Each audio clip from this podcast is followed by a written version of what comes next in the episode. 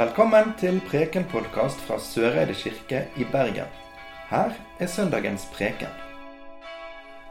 Dette hellige evangeliet står skrevet hos evangelisten Matteus i det 26. kapitlet. Så kom Jesus sammen med disiplene til et sted som heter Getseman. Og han sa til dem, Sett dere her, mens jeg går dit bort og ber. Han tok med seg Peter og de to CBDU-sønnene, og han ble grepet av sorg og gru. Da sa han til dem, Min sjel er tynget til døden av sorg. Bli her og våk med meg. Han gikk fram et lite stykke, kastet seg ned med ansiktet mot jorden og ba. Min far, er det mulig, så la dette begeret gå meg forbi, men ikke som jeg vil, bare som du vil. Da han kom tilbake til disiplene og fant dem sovende, sa han til, dem, sa han til Peter, så klarte dere ikke å våke med meg en eneste time. Våk og be om at dere ikke må komme i fristelse. Ånden er villig, men kroppen er svak. Igjen, for andre gang, gikk han bort og sa, Min far, om ikke dette begeret kan gå meg forbi, og jeg må drikke det, så la viljen din skje. Da han kom tilbake, fant han dem igjen sovende, for øynene deres var tunge av søvn. Nå forlot han dem og gikk på ny bort og ba den samme bønnen for tredje gang. Så kom han tilbake til disiplene og sa:" Dere sover og hviler fremdeles. Nå er stunden kommet, da menneskesønnen skal overgis i synderhender. Slik lyder det hellige evangeliet.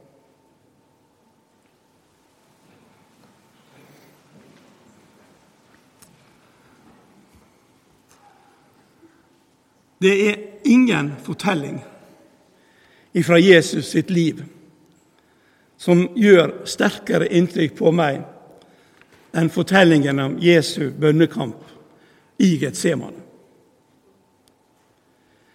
I de fleste bibelfortellingene om Jesus så møter vi den selvbevisste, besluttsomme og myndige Jesus. Her møter vi en Jesus som er usikker, ubesluttsom og nølende. Redd.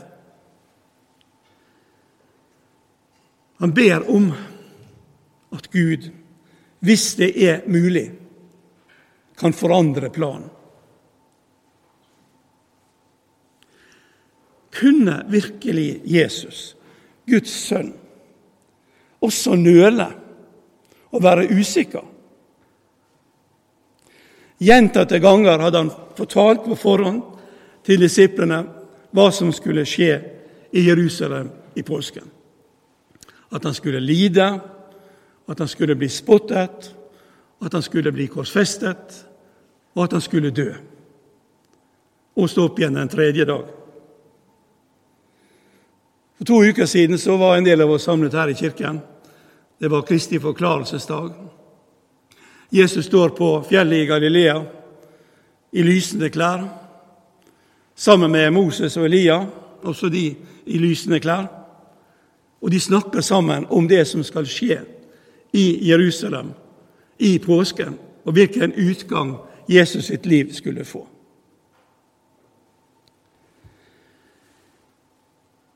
Nå var det bare å gjennomføre planen. Når han kom til fullbyrdelsen. Og vi skulle vel tro at nå er, det, nå er han fullt sikker og viss på at dette skal gå den rette veien. Men så kunne også Jesus være et nølende menneske. En redd frelser. Og nå tror ikke jeg at dette er Jesu menneskelige side som kommer til uttrykk i Getsemane. Også dette er en guddommelig kamp. Og den viser hvor mye det kostet Gud å frelse oss. Det er både mennesket Jesus og Guds sønn Jesus som nøler, som ber om å få slippe, som ber om at planen blir endret. Han ber om å slippe å lide og dø. Han orker ikke tanken på at han skal tømme lidelsens beger. Det er Guds sønn som skal tømme det, og det er han som ber om å få slippe.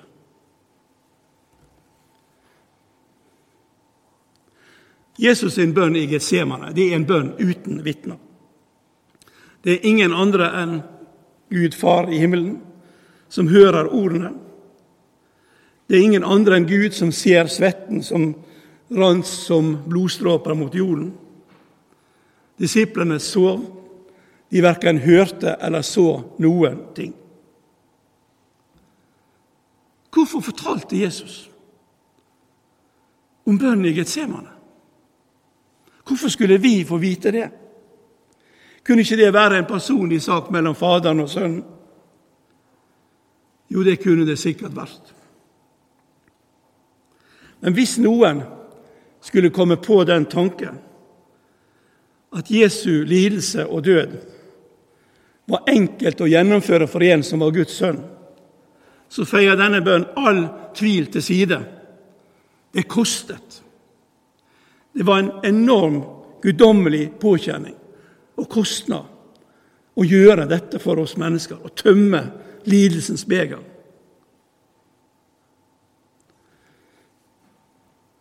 Og så tenker jeg Lærer denne bønnen oss noe om det å be? Selv om dette var en helt spesiell bønn, en enestående bønn som Jesus ba til sin himmelske Far. Men er det noe i denne bønnen som Jesus ber i Getsemane, som kan lære oss noe om hva det er for oss å be. Jeg tror det. Derfor vil jeg prøve å plukke fram noen ting som, som kan være en påminnelse om oss, for oss når vi skal be. For det første bønnen har en adressat. Vi ber ikke ut i løse luften. Vi ber til Abba, far, slik som Jesus gjorde det. Og slik som Jesus lærte oss å be i Herrens bønn, at vi skal si Far. Det er en klar rollefordeling når vi ber. Det er vi er barna, og Gud er vår far i himmelen. Vi ber til en som har uendelig stor omsorg for oss, som foreldre har for sine barn, og det er som det skal være. Det er Gud som har gitt oss livet. Det er i ham vi er til. Vi angår ham.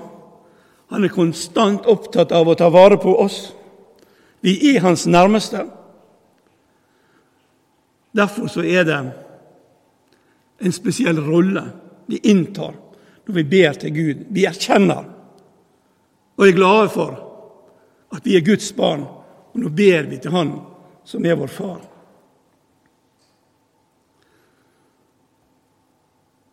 Det andre det er at Jesus ber fordi han er i nød.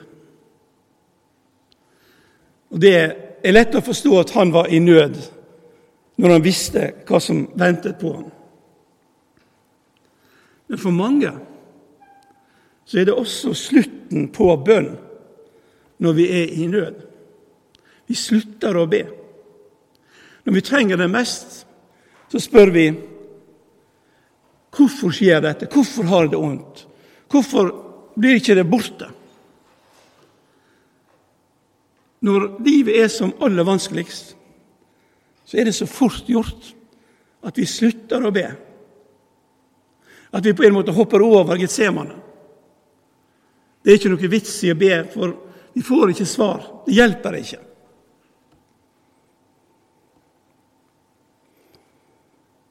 Jesus ba i Getsemane tre, tre ganger den samme bønnen. Han var i nød, han hadde det forferdelig ondt. Og Han eh, fikk i utgangspunktet ikke svar på disse bønnene, sjøl om han ba med nøyaktig samme ord tre ganger.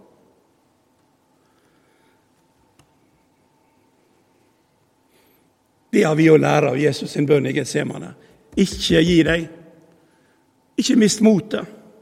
Be når du har det verst, ikke bare når det er greit. Be når du ikke har svar på spørsmålene dine.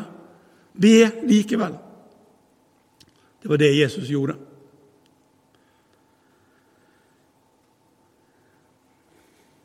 Jesus måtte be tre ganger.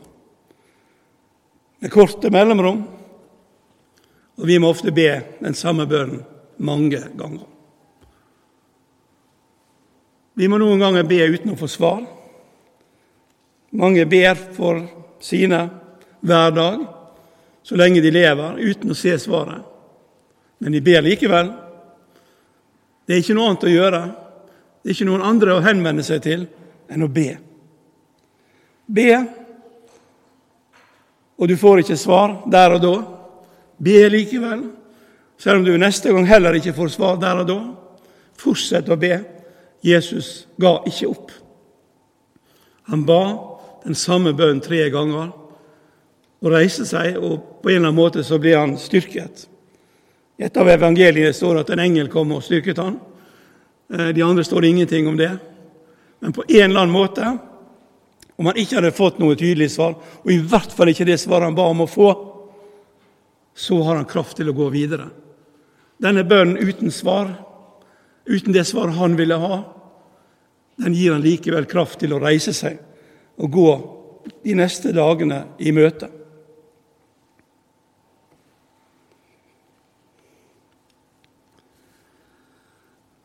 Sånn, sånn håper jeg òg vi kan oppleve bønnen.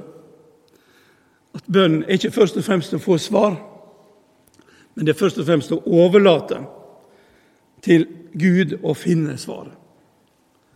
Nå må det, bli, må det bli, bli slik som han vil. Jesus har funnet roen. Jesus går videre. Jesus har bedt bønnen sin. Og Han vet ikke om at han får svar som han ville, men han vet at han skal gå videre. Han vet at han skal gå videre. Det må vi også. Vi har bedt våre bønner. Vi må gå videre. Gud er med oss.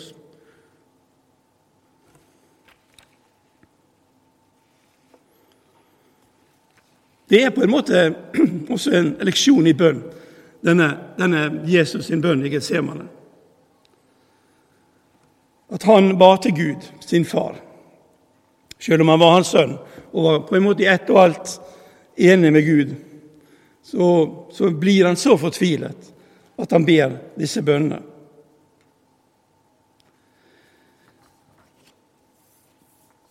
Vi ber av og til, eller kanskje ganske ofte om tilgivelse.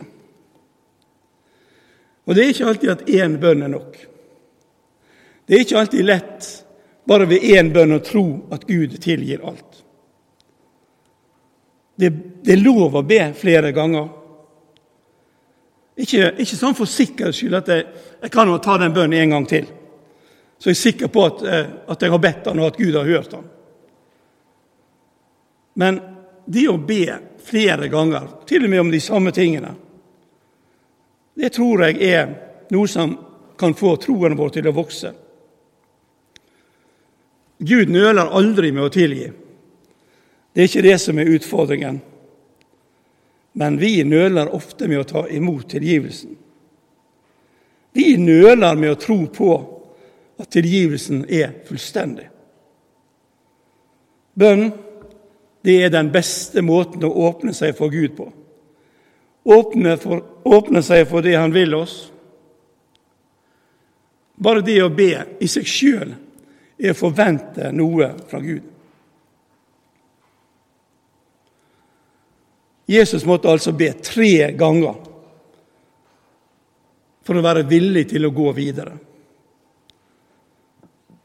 Det var kanskje det han trengte trengte å be så inntrengende til Gud at han visste hva han hadde bedt om, og hva han fikk svar på. For at han også skulle være åpen for Guds vilje. Ikke som jeg vil, bare som du vil.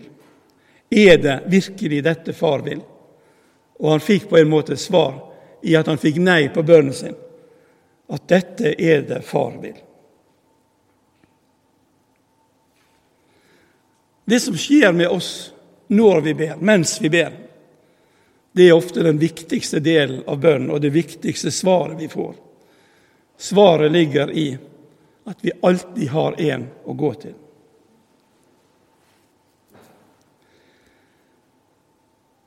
Vi må aldri være redde for å be flere ganger. Hvis vi tenker at vi maser på Gud, så gjør vi det. Da maser vi på Gud. Det er ingen styrke i å ikke be. Det er ingen styrke å gi opp å be. Og Vi trenger ikke nedskalere ønskene våre og si at det kanskje ikke var så viktig det vi ba om likevel, så vi ber om noe som er litt mindre viktig. Liksom ikke, ikke stille kravene for høyt på hva vi kan få svar på og hjelp til, siden vi har bedt så mange ganger. Det står om Jesu bønn at han ba ikke bare tre ganger, men han ba den samme bønnen tre ganger. Han repeterte bønnen sin. Og når han, Guds egen sønn, gjorde det, så kan vi gjøre det helt fritt. Bare repeter. Be den samme bønnen tre ganger. Be om du ikke syns du får svar. Be likevel. Mas. Gud tåler mas. Gud tåler alt be. Og hvis du ber om å få slippe noe som du kanskje ikke slipper, så be likevel. Be tre ganger, hundre ganger, tusen ganger. Fortsett å be. Det skjer noe mens vi ber. Det gir en trygghet og en tro som vi aldri hadde hatt hvis ikke vi gjorde det.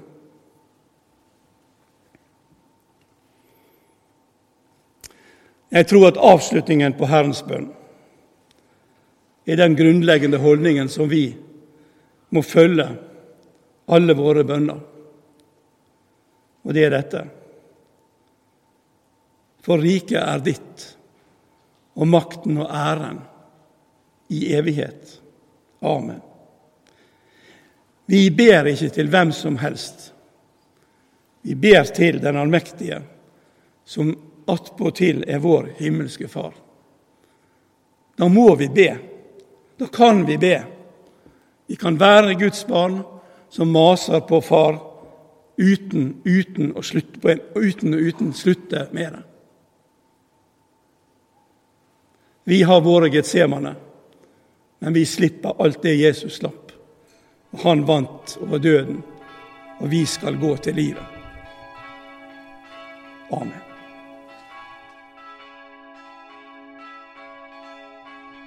Du har nå hørt Preken-podkast fra Søreide kirke i Bergen. Følg oss gjerne på Facebook og Instagram, eller gå inn på vår nettside kirken.no soreide. Takk for at du hørte på.